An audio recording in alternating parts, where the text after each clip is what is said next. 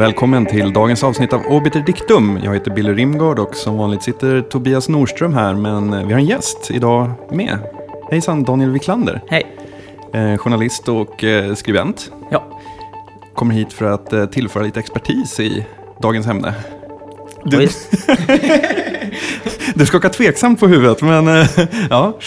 Ehm, det är nämligen så här, vi har ju en ehm, valrörelse som precis har eh, dragit igång, eller har den dragit igång? Ja, alltså det där är ju... Eh, jag brukar tro att valrörelsen drar igång när de börjar med sina utspel. Någon gång i januari eller så. Vissa säger att valrörelsen håller på hela mandatperioden nu för tiden. Men egentligen så börjar ju valrörelsen någon gång på sommaren. Brukar man säga att liksom, nu drar den igång på riktigt. Liksom, och det är något startskott, eller ett startskott för vissa annonskampanjer på utomhustavlor och sådär. Lite är det ju en smakfråga. Men Mm. den egentliga valrörelsen, nej den har väl inte riktigt dragit igång. Jag, jag funderar på om vi har börjat smittas av den här amerikanska helårskampanjen fram till, eh, till valet. Att det numera är, att man, man börjar lägga debatter tidigare och tidigare och så vidare. Men det kanske bara är en illusion man har. Jag tror inte att det är en illusion, utan eh, jag tror absolut att det kryper så att säga bakåt mot valdagen, om man ska säga det så, eller börjar tidigare. Absolut. Eh, det är jag övertygad om. Och som sagt, det finns ju de som menar att det mycket mer är en kamp nu för tiden. Alltså, från egentligen, efter valnatten. Så okej, okej, hur vinner vi nästa val? Vi tänkte diskutera lite valrörelse här idag utifrån eh, ett par aspekter som kanske inte normalt eh, tas upp i den vanliga ehm, diskussionen. Det är ju så, vi sitter ju ofta här och pratar om, eh, om film och musik och, och popkultur, men eh, inte heller den sfären är ju på något sätt, får man säga, förskonad från politik. eh, vi har ju ett ärende just nu som är på agendan. Ja, precis. Alltså, eh, som en del kanske känner till så eh, är det en konflikt mellan eh, städare som är anslutna till SAC, Syndikalisterna, och eh, nattklubben restaurangen Berns. Eh, som resulterat i blockad mot, eh, mot Berns. Eh, inte varje dag, men eh, varje helg i alla fall. Och eh, det har då lett till att eh, en hiphopgala där, som eh, skulle ha varit i, nu i helgen, eh, fick lov att ställas in på grund av att en av vakterna, då, Labyrinten, gick ut och eh, sa att de inte kunde uppträda med tanke på den konflikt som var där, för att de helt enkelt, eh, ja, de ställer sig på, eh, på blockadens sida mot Berns. Och även Timbuktu, då, som kanske var ett av dragplåstren där, som eh, också har gått ut och sagt lite mer neutralt, men att han inte känner att man kan... Det, det känns inte bra liksom, att uppträda med den konflikten som pågår då. Det är ett ganska ovanligt, eh, ovanligt starkt ställningstagande i en sån dagsaktuell fråga från, eh, från artister i Sverige, skulle man väl ändå Ja, påstå. verkligen ovanligt. Och det är ju ovanligt också att alltså, någonting som är förknippat med vad ska man säga, underhållning och, och nöje så eh, handgripligen eller så sy synbart och tydligt blir föremål för den här sortens konflikt. Det är ofta så här, ja, man hör om något företag någonstans där de sitter och skruvar ihop några delar och de är trötta på att inte få gå på toaletten. Alltså det är oftast, fackliga konflikter sker ofta i, i, i det fördolda. Ja, men det här, är ju, här gäller ju då en yrkesgrupp som inte är i det fördolda, men som eh, folk helt enkelt väljer att inte se, nämligen städare. Menar, städpersonal, det är inte helt ovanligt just att eh, fina restauranger, fina nattklubbar hyr in sina städare via andra företag och eh, ja, när det kommer fram då att eh, villkoren för de här städarna inte är speciellt bra eller väldigt dåliga så eh, ja, det har hänt förut att man har sagt att nej men det visste inte vi och det var ju inte våra anställda. Fast det är ju deras golv och deras toaletter de skurar. Eh, så att det, där kan man väl säga att där kommer ju, där, där riskerar de här två världarna att mötas. Men samtidigt, det känns som att det, det, känns som att det alltid är Timbuktu som går ut och tar ställning när, när det blir sådana saker. Ja, Han alltså- verkar ju ha en förkärlek för att, för att vara någon slags politisk vägdel, eller väg, vad säger man? Vattendelare i, i, i de här sammanhangen. Ja, här tycker jag nog att han har uttryckt sig ovanligt försiktigt. Saken är ju också den att Timbuktu har ju förändrat lite sin, eh, åtminstone sin offentliga eh, politiska hållning med åren. Jag minns, eh, eh, det var, ja det var exakt tio år sedan. Så när det var den här jättestora reklamfesten på, på Götgatan, eh, nedre delen av Götgatan från Medborgarplatsen ner till Skanstull. Eh, ett antal tusen personer måste det ha varit. För av helikopterbilderna att döma så, så var det fullt i hela den passningen. Där, då stod ju Timbuktu upp och liksom hängde på ett På lastbilsflak. Ett lastbil, ja, på ett lastbilsflak i alla fall och freestylade. Eh, några år senare så skrev han ett öppet brev till Göran Persson där han bland annat ville legalisera ganja. Eh, och nu så har han kommit ut som socialdemokrat. Så man vill säga att Timbuktus glidning så här åt höger eh, på den väldigt politiska tydlig. skalan är, är ju ganska påtaglig. Va? Men det hedrar ju honom att han, att han ändå liksom... Eh, Ja, att han, ändå, att han ändå tar eh, ställning på sätt och vis. Även om, som sagt, hans uttalande var ju värdigt en proffspolitiker, måste jag säga. Det var, det var verkligen så här, han tar inte ställning för någon, utan han kan inte förmedla en, en fin stämning från scen under rådande förhållanden. Men- Men alltså samtidigt, jag vet inte, jag, jag kan känna att det blir eh, lite lätt sunkigt när de här artisterna ska ge sig in i de här politiska frågorna och liksom ha det här sociala patoset. Eh, jag vet inte, jag ser inte dem som, eh, som så idealistiska som de kanske vill framställa sig. Men måste man vara det verkligen? Alltså, Nej, det, det är det jag menar lite grann, att man kanske inte behöver vara det. Eh, Och kanske framförallt inte behöver framställa sig som det. Eller? nej, jag menar så här, jag, jag tänker på... um, Det, jag menar, det blir liksom lätt Bono, Bono-varianten. Absolut, skillnaden är väl att Bono, han har ju liksom precis som Sting före honom gått in för en slags... Han ska ju vara en NGO i, i sig. Liksom. Han ska ju diskutera med världsledarna om, om att rädda valarna eller regnskogarna eller, eller liksom eh, föda jordens hungrande. Ungefär. Eh, jag tänker på snarare, alltså när jag var liten, eller när jag var 13-14. Alla andra läste Okej, så läste jag Smash Hits. För Smash Hits hade Morrissey på omslaget, Okej hade W.A.S.P. Ja, det var ungefär den Jag, jag skillnaden. läste okej. Ja, Jag är i, alla fall, I alla fall, i Smash Hits då, som ju verkligen var en idoltidning liksom, för 13-åringar. Men där kunde man läsa inför valrörelsen, jag tror det var 87 måste det väl ha varit, eller någonting sånt där. Eh, så eh, var det en kampanj som kallades för Red Wedge, som var ett sätt att eh, helt enkelt få folk att rösta Labour. Eh, och de som var med, det var bland annat Billy Bragg, sig protestsångare då, Paul Weller, eh, liksom megakändis efter Jam och så. Och alltid med ett liksom, politiskt budskap. Men alltså ändå folk på så här hög nivå som eh, får den här kampanjen, liksom får täckning för den även i idoltidningar för 13-åringar. Det hade ju inte kunnat hända i Sverige då. Jag tror inte det hade kunnat hända i Sverige nu. Nej.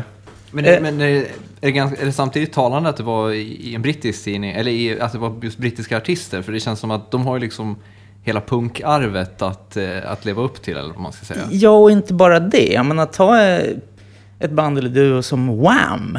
Som är så långt ifrån punk som man kan komma. Jag tror inte ens de har varit punk, till skillnad från till exempel Culture Club och George som ju faktiskt var det när man var liten.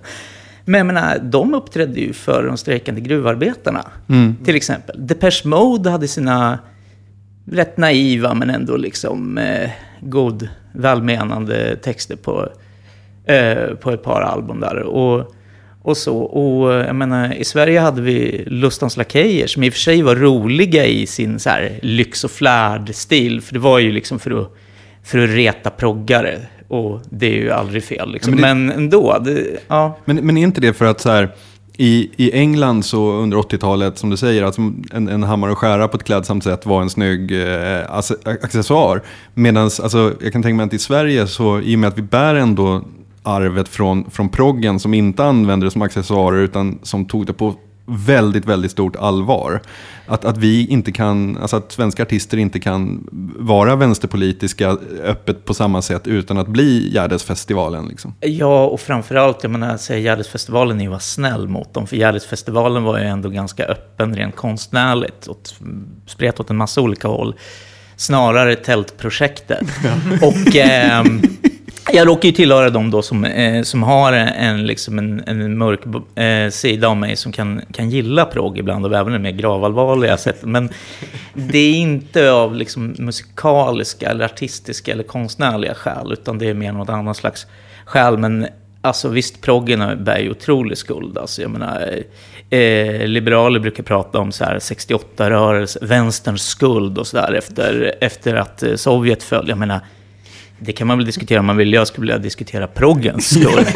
varför, varför, varför kommer det unga människor liksom och, alltså som, eh, som vill eh, komma ut med ett budskap. Varför blir det Florence Valentin av det?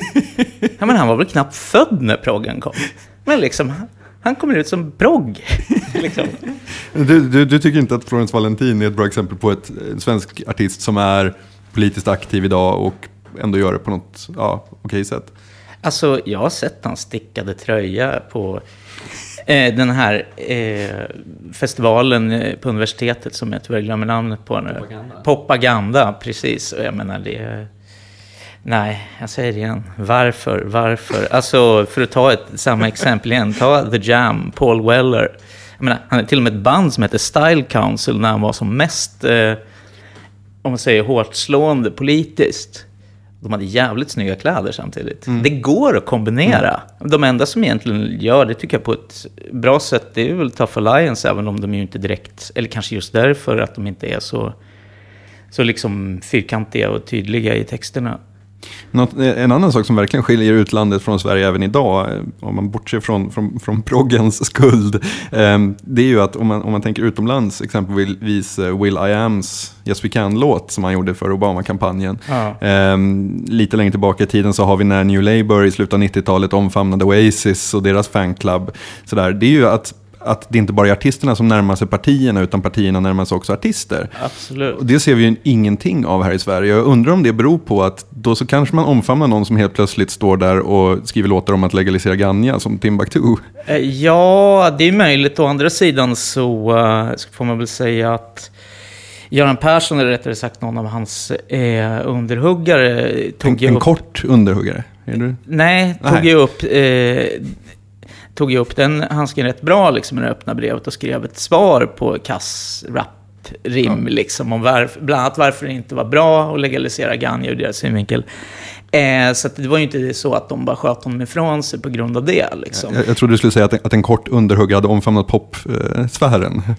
Jag tänker på Pagrotskys... Eh, Jaha, ja. Pagrotsky. Nej, alltså Pagrotsky, det är ju roligt, eh, det är ju roligt i sig. Liksom. Jag menar, det, man kommer ju aldrig att minnas honom för någonting annat än när han gick och såg en konsert med en nyligen utsläppt eh, satanistisk mördare på Kägelbanan. Alltså dissection, Elena, dissection eh, som vi i och för sig har liksom sina, sina musikaliska kvaliteter i sig. Men det var ju ändå så att där sitter Paggan på någons axlar och, och, och liksom diggar och blir fotad. Eh, Mitt ja. favoritpaggan är annars från Hultsfredsfestivalen, när, när hela publiken vänder sig om från Hawaii-scenen och ser Paggan stå på någon slags ramp. Eh, Paggan slänger, slänger upp V-tecknet och var på publiken skanderar Paggan. Paggan i kör då. Ja, Paggan är underbar. Han, han är liksom vår egen pop-Napoleon, om man säger. Men nej, nej, men vad jag egentligen skulle säga är att eh, alltså, det var ju trots allt eh, Oasis som omfamnade Labour först. De pratade ju i intervjuer flera år innan, ja. innan Noel blev bjuden till Downing Street. Så, så snackade de om, om Labour och eh, liksom om vilken partiledare i Labour de gillade mest. Och så det var en intervju i Pop där de, liksom deras favoritalbum genom tiden var de här två dubbelalbumen, samlingsalbumen med Beatles. Och favoritpolitiker, det var Neil Kinnock tror jag. Mm. Som inte ens har gått i historien som liksom någon av de tyngsta Labour-politikerna. Där. Men Noel eller Liam tyckte att oh, han höll fantastiska tal som fick håret att resa sig i nacken på en och sådär. Noel skulle jag tro. Ja, så, att, så att jag menar, det är, det är ju ingen slump. Det är därifrån de kommer. Mm. Så att säga. Så att, och sen får man väl säga också att, vad fan, Oasis som har ju varit så här vandrande reklampelare eller kanske eller kanske avskräckningsskyltar för kokain och annat. Liksom, det, har inte, det hindrade ju inte eh, Blair från att och liksom omfamna dem och ge dem dödskyssen får man väl säga. För att det var väl, ja, det... Jag menar, så, så fort han gick in i Irak så, så var ju liksom he, han helt körd och därmed liksom den typen av endorsements tror jag också.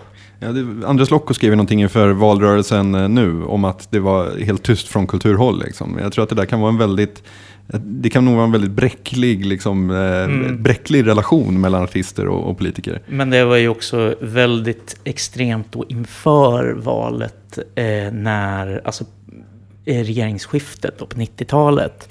För att jag menar, då hade man ju som, eh, Ballistic Brothers, Ashley Beadles eh, projekt där, skrev på omslaget sin London Hooligan Soul så stod det så här 15 years of fucking Tories. Den kom ut innan valet då. Men det var ju det som var stämningen med många. Mm. Jag läste Mixmag och sådana tidningar på den tiden och jag kommer inte ihåg vilken av dem det var, någon, någon av de här DJ-tidningarna, där de så hängde ut, vad hette han, Judge Jules tror jag, för att eh, så här, ja, han har deklarerat att han ska rösta Tory. Just det var under vinjetten Hang the DJ liksom. Och det var ju överhuvudtaget, det var lite som känslan inför förra valet i Sverige, liksom, när det gäller Göran Persson. Alltså att det, det räcker nu, liksom. oavsett vad man har för politiska åsikter annars. Så, så bara så här, men fan, inte en dag till med Göran Persson.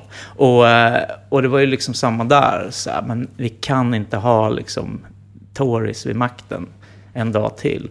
Men alltså, vad, är det, vad tror ni är, eh, är, som, är det som gör att det råder sån stor konsensus mellan de här artisterna åt vilket politiskt håll det är man ska dra? För det känns ju som att eh, med vissa eh, avvikelser så är det ju vänsterhållet som gäller. Liksom.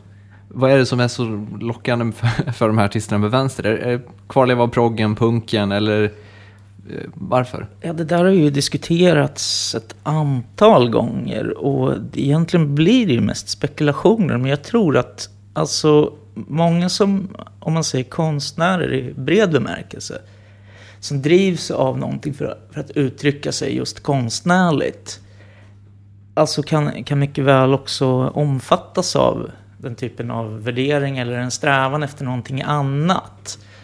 Alltså jag tänker mig att om man går omkring och bara är väldigt nöjd med allting som det är, så är det kanske mindre risk att man samtidigt har någon sån där jätteexplosivt uppdämt liksom det kanske inte kommer den stora romanen ur en människa som mest liksom går och trivs med, med livet i största allmänhet. Därmed inte sagt att, att liksom någon som har högervärderingar aldrig har eh, åstadkommit något, eh, något bra konstnärligt. Det finns det naturligtvis eh, ett otal exempel på. Framförallt så konstnärer i bred bemärkelse, författare, musiker och så, det är oftast inte så enkelspårigt att man alltid kan tillskriva dem liksom en politisk ideologi eller ett av de svenska blocken eller något sånt där. Och några av de intressantaste är ju är ju helt liksom avbanade. Jag menar, hur... Insane Clown Posse.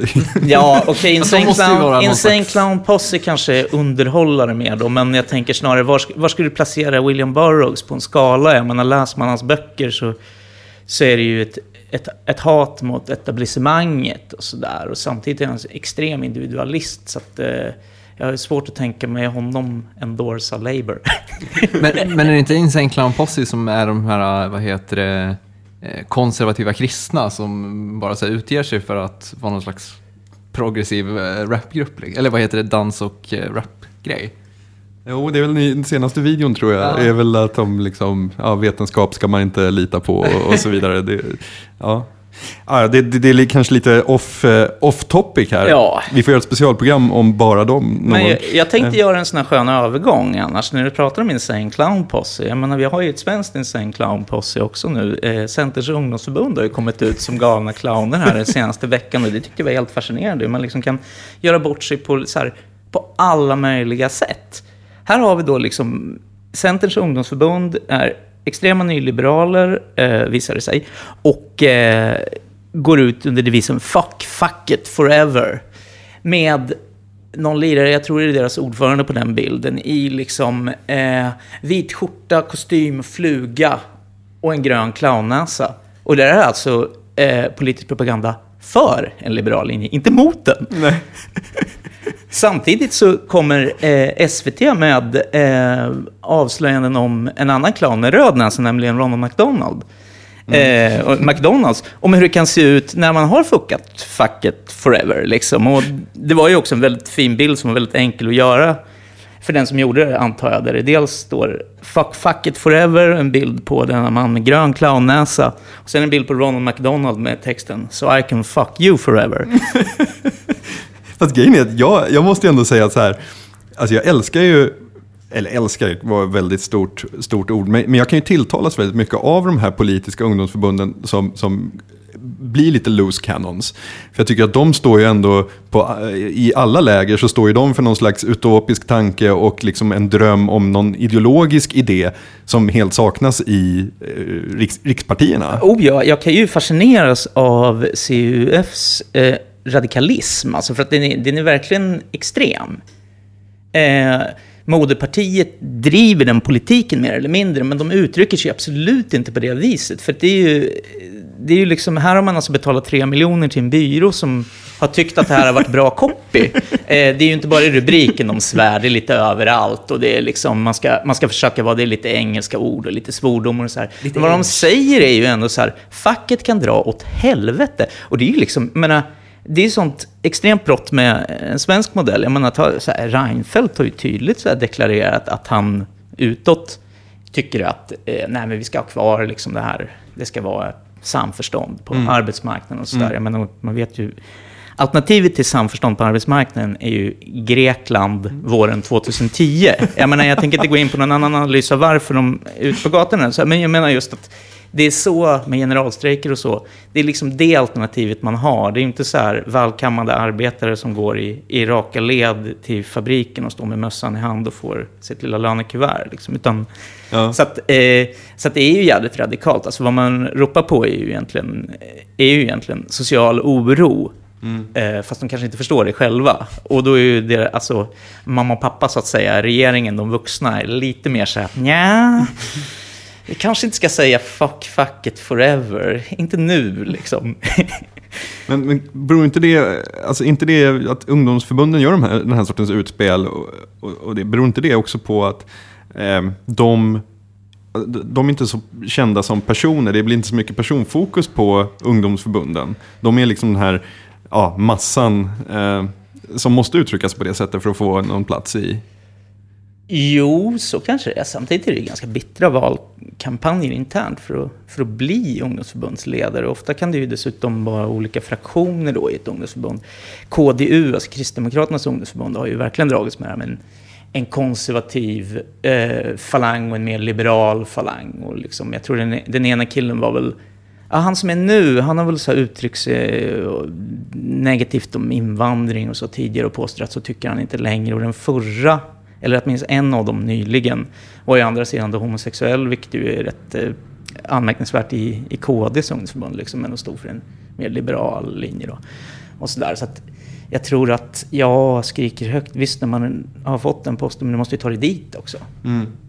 Mm. Eh, så att, eh, och då har man ju, då är det ju allt ljus på, på dig, den kampanjen. Liksom, ja, in, internt, intern. men alltså eh, utåt ja. så är de ju ganska ja. Ja, anonyma. Nej, det var... Mer ungdomsförbund än politiska ja, ledare? Jo, liksom. det, kan ju, det kan ju kanske stämma. Jag menar, det är ju inte så många som minns att eh, Reinfeldt skrev en bok när han var ute i kylan efter att ha gjort bort sig eh, med Carl Bildt, där han typ eh, sa fuck facket forever och um, i stort sett. Och ja, Eh, en massa andra eh, men, sociala... Men inte, precis, inte det precis samma sak som så här, Timbuk? Att han så här, först är det legalisera ganja och nu är det så här, vi kan inte ha så roligt som vi vill under de ja, stämningarna som råder. Alltså man ja, flyttar sig. Jo, jo, absolut. Det är, det är, ju, det är ju ett led i att... Eh, att bli, alltså det är ju en del i politikerrollen och politikeryrket, får man ju säga. Ja. Också. Eh, så, att, så att visst, det är ju, jag menar, eh, jag, jag minns Josefin Brink från en tid innan hon var yrkespolitiker också till exempel. Mm. Eh, och hade en annan, en annan framtoning. Liksom. Jag tänkte vi skulle ta och eh, byta ämne. För det är ju så, när man ser, det finns ju väldigt mycket fina eh, skildringar av valrörelser och politik i popkulturen.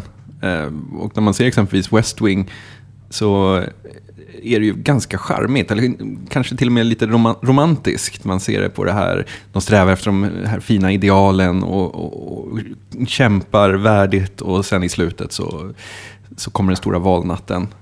Skulle en sån skildring gå att göra i svensk politik, tänker jag?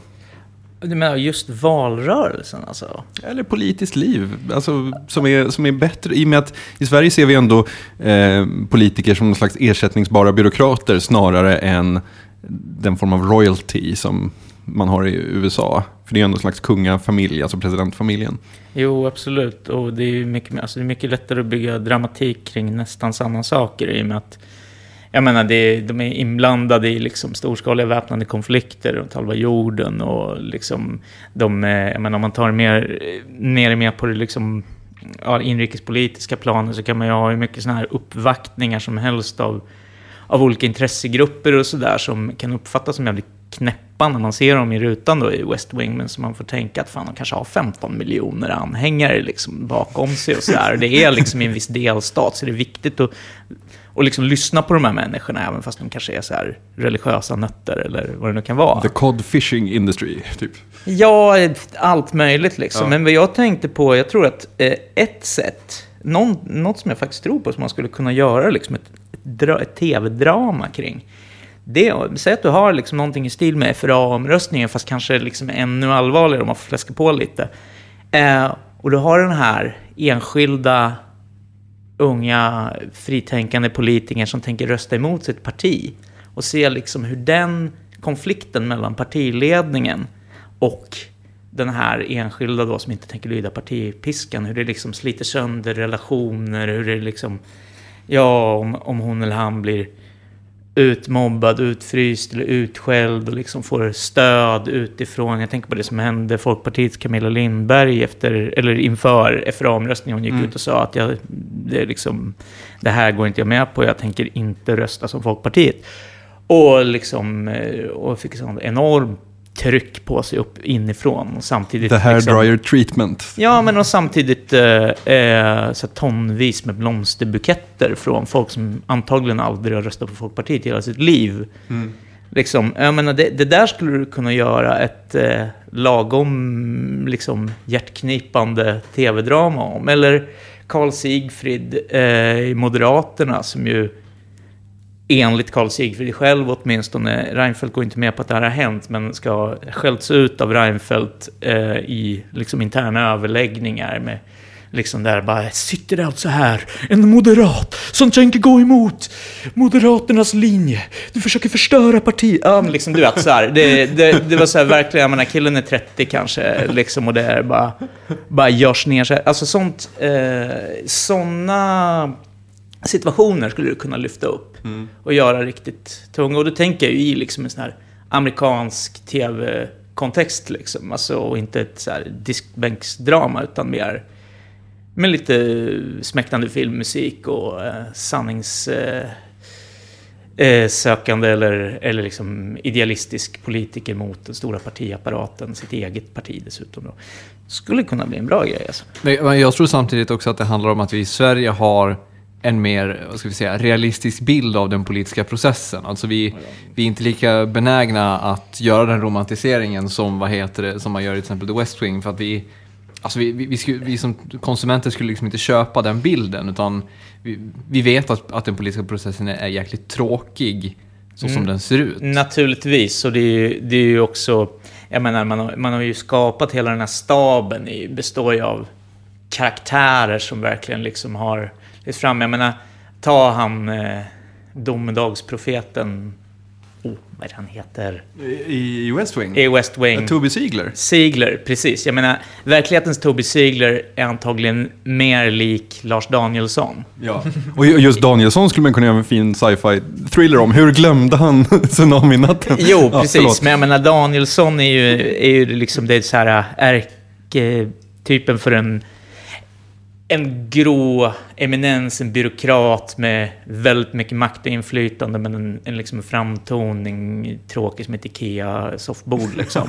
och jag menar, så tror jag, sådana hittar man nog rätt mycket även i, i Vita huset, men de är ju kul att göra, göra tv av. Liksom.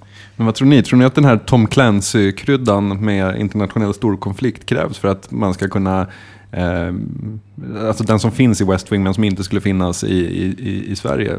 Krävs den för att kunna göra ett bra politiskt popkulturdrama? Jag måste ju säga att det är de inslagen som jag tyckte var tråkigast i West Wing faktiskt. Olika så här fiktiva eh, centralasiatiska länder som är instabila och kanske har the bomb. Liksom. Det är skittrist. Det roliga är ju såna här, alltså, eh, detaljfrågor inom liksom jordbruksdepartementet som skapar olika förvecklingar på grund av att man inte får trampa den ena på tårna här i den här uh, majsodlande delstaten och sånt. Med deras slagkraftiga dialog och liksom de här karaktärerna. Det är det som är riktigt kul faktiskt. Ja, jag tror, jag tror, men jag tror att, alltså, även om man inte behöver de kanske världspolitiska händelserna så tror jag ändå man behöver Alltså för att göra bra underhållning av det så tror jag ändå man behöver någorlunda stora det kan även vara liksom inrikeshändelser. Jag tänker på Frost Nixon som kom för, för några år sedan. Eh, som är liksom i princip en enda lång intervju med, med Richard Nixon. Då. Det är ju ett typ exempel på någonting som är inrikes, men det är fortfarande en stor händelse som skildras eh, på ett ganska avskalat sätt genom att bara berätta hela det här intervjuflödet. Liksom. Jag, jag såg ett inslag på eh, Rapport eh, för något år sedan. Det var en man som sitter för eh, Kristdemokraterna eh, i någon liten kommun i, i Norrbotten som har röstat rött sen, ja, sen allmänna rösträtten. Liksom. Och han har jobbat i 30 år där och sitter i minoritet i kommunen och åker runt och kampanjar för sig själv och liksom driver Kristdemokraternas frågor i total uppback, uppförsbacke. Och det skulle kunna bli en jättebra sitcom tror jag. Alltså, Absolut. Big Love-känslan. Liksom. Absolut. Men jag skulle säga det bara om Frost Nixon. Jag har inte sett den filmen själv, men den får ju, alltså det upplägget får ju en extra tyngd när man vet liksom att eh, Nixon, eh, alltså att Vietnamkriget rasade, att alltså USA hade hade liksom motsvarande Ådalen-händelsen. Alltså det var ju ett antal människor som blev skjutna av nationalgardet under Nixons mm. regeringsperiod. Eh, på eh, studentcampus i... Eh, Berkeley va? Nej, det var Kent State ja, i Ohio. Mm. Mm. Och liksom, det, var, det var i samma storleksordning som Ådalen-händelserna som ju var en sån här... Eh, Okej, okay, det, det, blev inte regeringskris, men det var ju liksom, det blev regeringsskifte sen på Eh, ett och ett halvt år senare. Eh, på grund av det liksom. Eh, och, um, så att det, det är ju liksom, och sen det här med Nixons, alltså att, eh, att han avgick för att han överbevisades om, om liksom storskaligt fiffel. Men jag kan känna att eh, i en tid där allting handlar om att berätta historier på något vis. I 24 timmars nyhetscykeln så måste man ha några fina örhängen att liksom hänga upp all, allting på. Um, och i, den tiden så kan jag ju tycka att det är synd på ett sätt att det är svårt att skildra alla remissinstanser och eh, utskottsmöten och, och sånt där. Därför att jag tror att politikerföraktet inte skulle vara så stort om det gick att göra en bra skildring, alltså en, en sexig skildring helt enkelt. Av, av eh, eh inte nödvändigtvis en lögnaktig skildring, men en, men en tilltalande skildring. Men, men riskerar det inte att bli, att bli komedi? Alltså jag tänker på eh, In the Loop som kom i fjol som är den här brittisk-amerikanska filmen. Och, som, den rör sig ju på ett sånt plan att det liksom mer är de här um, inre slitningarna mellan den amerikanska ledningen och den brittiska. Och den funkar ju väldigt bra på just det sättet. Men jag vet inte om den hade funkat så bra som ett drama. Eller kanske, det, det behöver inte vara den som funkar som ett drama, men just den processen. Fast du får ju, får ju alltid säga, alltså, ingredienser i sånt här drama måste ju vara saker som är utanför alltså agendan eller dagordningen för den här politiska processen. Alltså det kan ju vara relationer, det kan ju vara vänskapsrelationer som sätts på prov eller folk som hamnar på olika sidor liksom i en aktuell konflikt som säger det här ja, scenariot med att rösta mot sitt parti eller något sånt där. De mm. har slitit tillsammans i valrörelsen för att, för att vinna valet liksom och stöttat varandra och nu så ska den ena liksom rösta med partiet och den andra emot och så blir de bittra fiender och sådär.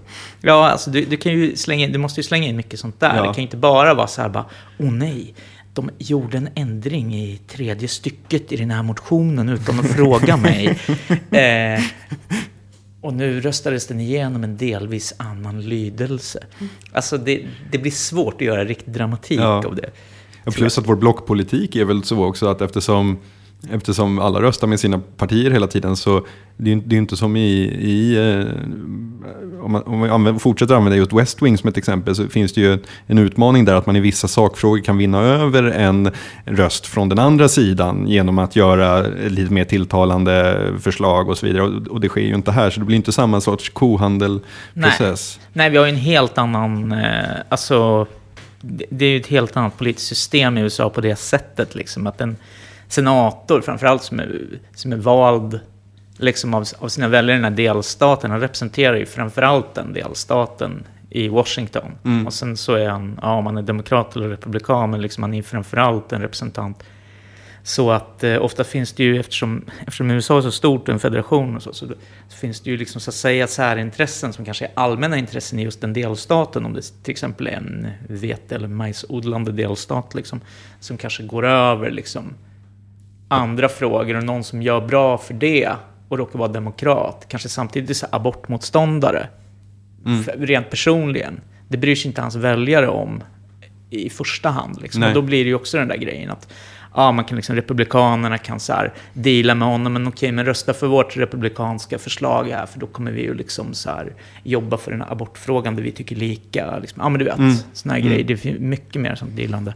Jag har följt en del svenska politiker på Twitter, men jag var tvungen att sluta för att jag fick en så här total överdos av distriktsmöten i Filipshyttan och liksom invigning av ett vårdhem i Mellerud och sådana här saker. Men Göran Hägglund, som ju annars framstår mest som liksom Sveriges svar på John Major, mannen som liksom inte syns i, i, liksom i tv-rutan fast han är där. Eh, alltså på Twitter så är han ganska rolig. Jag menar, alltså är det han själv som skriver dem? Det vet jag inte faktiskt, det Nej. får man väl alltid. Det, det kanske är han... eh, Åh, nu har jag glömt Det kanske är någon av Hugo. Chavez 200 anställda twittrare. Ja, precis. Eller, eller han, som, eh, han som hittar på, eh, eller lanserade det verklighet, nylanserade verklighetens folk åt, eh, åt Göran Hägglund, ja. Ny Demokratis gamla, gamla slagord som ju KD återanvänder nu. Ja. Det kanske är han som twittrar åt dem, men det är ganska roligt ändå. Det var eh, Vänsterpartiet eh, tog beslut på kongressen om att verka för 35 timmars arbetsvecka. Och genast är det då Göran Hägglund, eller vem det nu är, som twittrar från honom som skriver att men det var, väl, det var väl fegt, varför inte ta i ordentligt på en gång liksom? Just det, typ fyra timmar. Så Ja, arbetsvecka, precis. Ja, det kanske var det han föreslog. Tre dagar i ihåg. Men det var, veckan. ja, precis. Fyra timmars arbetsvecka, tre dagar i veckan. liksom, och, och sånt där. Alltså, det är ganska så här, vassa och skarpa kommentarer. Som, eh, sånt är ju kul. De har ju fattat Twitter. Ja. Jag menar, jag, jag, partiledare är ju kollektiva entiteter, så att säga. Om man ser till allting. De, jag menar, det är inte många partiledare som skriver sina egna tal. Nej. Göran Persson är en av de få jag vet som till och med improviserade tal. Liksom. Ja. Men annars så hade man ju, har de flesta talskrivare ju. Jag såg en, eller jag hörde på, det här är ett sidospår i och för sig, men jag så, eh, hörde på P1-medierna om en eh, eh, brittisk MP där som hade gjort sin egen iPhone-app. Där man kunde ha direktkontakt med honom hela tiden i princip. Han svarade liksom i sin Ah, ja. telefon och så vidare. För det är ju en annan sak för övrigt som skiljer svensk politik från brittisk. Och det är det här med alltså dörrknackning och den här personliga, eftersom man har sin valkrets och det är, det är enmansvalkretsar och det är, en, Mm. det är, liksom, det är mycket mer så här fokus på personer. Att de verkligen går omkring och ringer på. Ja, men det kräver ju en del balls alltså. Ställa upp i liksom någon Jimmy, Jimmy arbetarstadsdel i... Åkesson besöker Rinkeby. liksom. Ja, Jimmy Åkesson ställer ju inte upp i Rinkeby. Så att det, det kanske skulle ha, liksom löser sig självt. Han ställer väl så vitt jag vet upp i Sölvesborg. va. Men eh, i alla fall. Eh, men liksom att, att gå och knacka på liksom I'm your friendly Tory candidate liksom. I, i ett arbetarområde i östra London. Så här. Alltså det, jag vet att Vänsterpartiet har diskuterat och tittat på holländska socialistiska partiet i Holland och sagt att ja, men vi borde göra som dem. De går och knackar dörr, de, liksom, de eh, eh, skapar kontakt direkt med väljarna och så hör man det som, men snälla någon, det gör liksom Tories, det gör Lib Dems, det gör alla i Storbritannien. Ja. Det är inget nytt. Margaret Thatcher gick och knackade dörr innan hon blev premiärminister. Det måste det- man göra för att vinna val där, liksom i, alltså som eh, kandidat i parlamentet. Ja. Jag kan tycka att alla automatiserade telefonsamtal som de kör i USA och den här gå och knacka dörr i England, jag kan känna det ganska skönt att vara, vara befriad från det här ändå.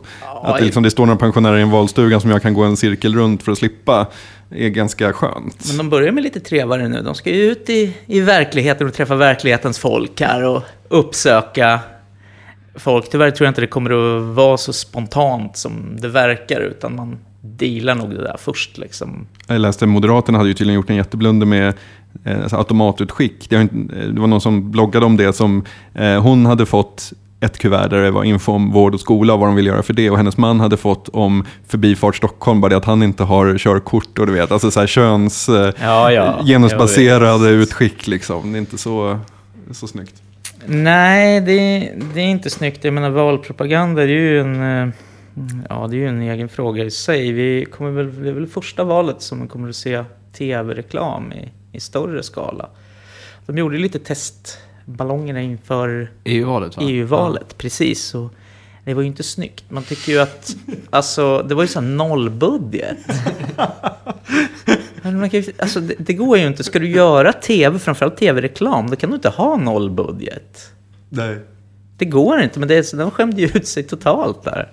Men eh, om vi rör oss tillbaka mot eh, just filmiska eller tv-serieskildringar av politiken så eh, om, om, vi enas om att, eh, om att den politiska processen är svår att skildra så kan man ju ändå på något sätt skildra politiska ledare, vilket inte heller har gjorts i särskilt stor utsträckning i, i Sverige.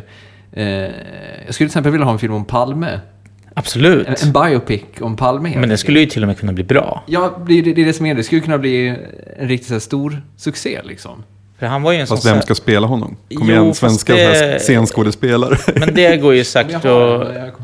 det. Går, det går säkert att, att liksom göra auditions tills man hittar en sån. Men absolut, men där, det är väl lite också en annan av poängerna där. För att Palme är väl också en av de få svenska politiska ledare som platsar att göra en film om. Och då, och då uttalar jag mig egentligen inte ett dugg om liksom hans politiska gärning eller vad han lyckas åstadkomma eller sådär. Utan alltså så här som faktiskt många, både som gillar honom och som inte gör det, skulle kunna enas om att det liksom är en sån pass stark personlighet. Liksom. Att, jag menar, det är faktiskt en av de få svenska politiker som har liksom åtminstone ryktats om att han har haft så affärer med Hollywoodstjärnor och han liksom eh, mäklar fred mellan Iran och Irak liksom. Och, och är, utbildad av CIA också är ja, hon är sån här topp, alltså med IQ på 250 ungefär, eh, är överklass, gammal baltisk adelssläkt, högdragen och liksom sarkastisk. Och samtidigt lyckas så här vinna så mångas hjärtan. Jag menar, en del av det där passar ju in på Bildt också, men han framstår ju bara som snorkig. Men Palme kunde ju verkligen så här, ja, men liksom platta till politiska motståndare och ändå liksom ha kvar det här att han ändå var lite folkets man på något sätt. Jag höll på att säga förut när vi pratade om, om, om musik, just det här att, att det är så otacksamt, för man får så lite att jobba med i de svenska, svenska talen, för retoriken är så dålig. Alltså, Ja. Jag tänker då Will I Am-låten där igen. Ja, ja. Eh, Men, men det har alltid slagit mig just med Palmes retorik, hur otroligt alltså, rik och eh, aggressiv den var jämfört med hur det är nu. Alltså, man, man saknar ju den här bra, den fina retoriken i Sverige. Men, alltså, vad ska man säga, alltså, kamptalsretoriken som, som man jobbar med mycket.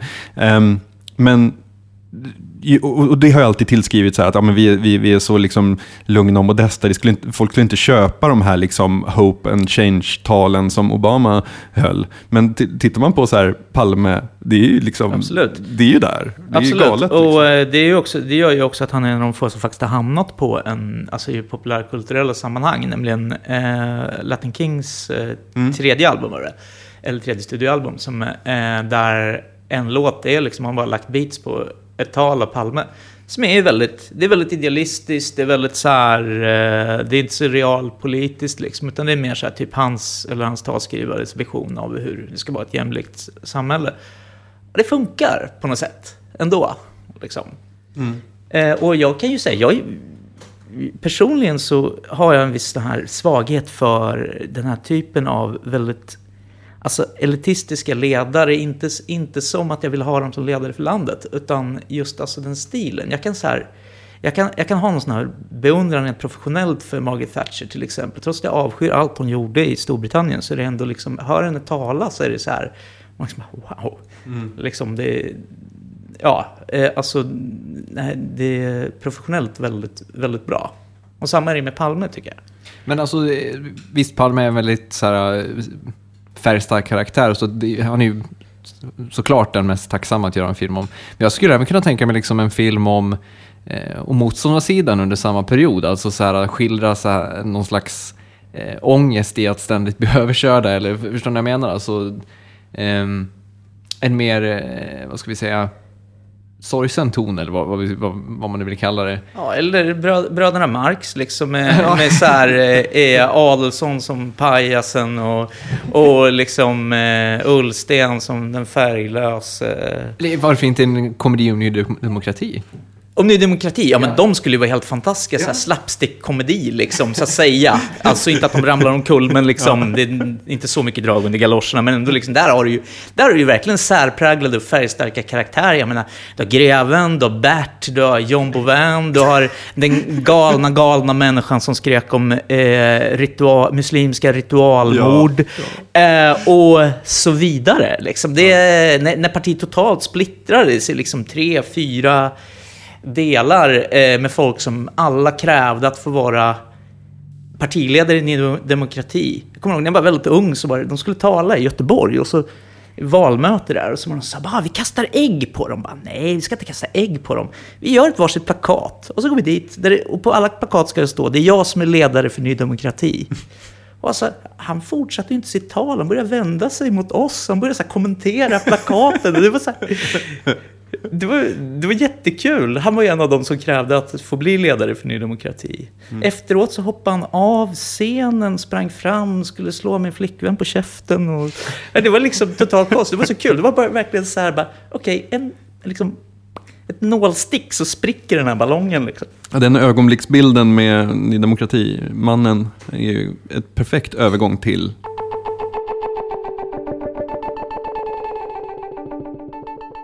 Vad heter det? Postscriptum. Postscriptum alltså. Och eh, ja, Daniel, du får eh, dra igång. Jag skulle vilja tipsa om en eh, brittisk tv-serie som gick för några år sedan eh, med Rick Mayall, kanske mest känd från eh, Young Ones, alltså Hemma Värst. Eh, den heter The New Statesman och eh, beskriver hans... Eh, Ja, Rick Mayall är helt enkelt Alan Bestad, eh, konservativ politiker som sedermera blir EU-parlamentariker och sen grundar sitt eget eh, högerpopulistiska parti som vinner en jordskredsseger. Och ehm, ja, den är betydligt roligare än det kanske låter. Men tänk er Rick Mayall i full frihet i eh, Eatons och eh, eh Blazer. Eh, och jag tänkte då eh, fortsätta med någonting som jag brukar göra, nämligen tipsa om en dokumentär. Eh, SVT har ju kört under parollen Docs ett antal eh, dokumentärer de senaste veckorna och eh, senast nu så sänder de en, en dokumentär om Patty Hearst som heter Gorilla, The Taking of Patty Hearst. Eh, det är inte den jag tänker tipsa om, utan jag, jag tänkte tipsa om en, en äldre dokumentär som rör sig i samma tidsera, nämligen The Weather Underground som på ett väldigt förträffligt sätt skildrar Weather Underground-rörelsen i USA. Och jag eh, håller mig kvar i USA och tipsar om en eh, bok som heter The Battle for America 2008, The Story of an Extraordinary Election. Som är eh, berättelsen inifrån de olika inifrån de olika presidentvalskampen. Den innehåller många roliga och intressanta eh, anekdoter och berättelser från vad som hände under amerikanska presidentvalet 2008. Och eh, ja, med det så tackar vi för oss idag. Tack Daniel för att du kom hit och Ja, tack så mycket själv. Tack så jättemycket och tack för visat intresse.